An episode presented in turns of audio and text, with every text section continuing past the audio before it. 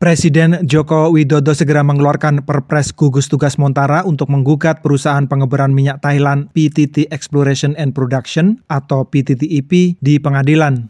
Gugatan akan diajukan di dalam negeri dan juga melalui arbitrase internasional. Keputusan terkait Perpres gugus tugas Montara ini disampaikan Menteri Koordinator Bidang Maritim dan Investasi Luhut Binsar Panjaitan dalam keterangan resmi pada media Jumat 1 April. Dan dengan PP tersebut kami akan melayangkan gugatan di dalam negeri yang akan dikoordinir oleh Kementerian Lingkungan Hidup dan Kehutanan, sedangkan untuk proses hukum di luar negeri oleh Kementerian Hukum dan HAM dan sebagai koordinatornya. Anjungan sumur minyak Montara berjarak 700 km dari kota Darwin, Australia Utara dan 250 km ke Pulau Rote di Nusa Tenggara Timur. Montara meledak pada 21 Agustus 2009, menumpahkan 23 juta liter minyak selama 74 hari hingga November. Tumpahan minyak mentah menyebar 92 km persegi dan merusak pesisir di 13 kabupaten dan kota di NTT, menghancurkan kehidupan nelayan serta petani rumput laut. Seiring berjalannya waktu, pemerintah menilai PT TEP tidak serius untuk menyelesaikan kasus tersebut melalui jalur perundingan. Hal itu dikonfirmasi oleh Purbaya Yudi Sadewa, Ketua Gugus Tugas Montara. Kita ada pelajari bahwa mereka akan main-main, ya udah kita jalan terus, akan kita pakai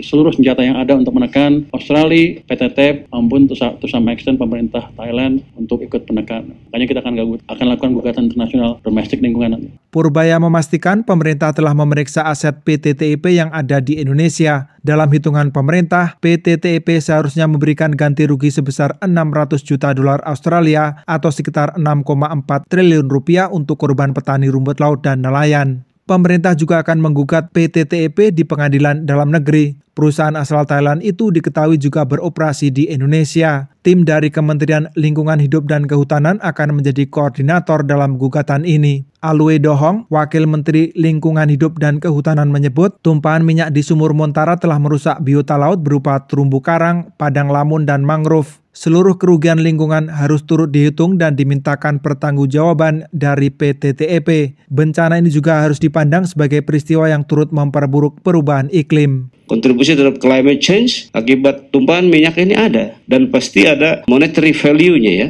yang harus kita hitung juga. Alwe Dong menambahkan pemerintah sebelumnya telah menghitung kerugian lingkungan akibat tumpahan minyak ini adalah 27 triliun rupiah. Namun ke depan akan ada perhitungan ulang yang memungkinkan jumlahnya lebih dari itu. Nur Hadi melaporkan untuk VOA Washington.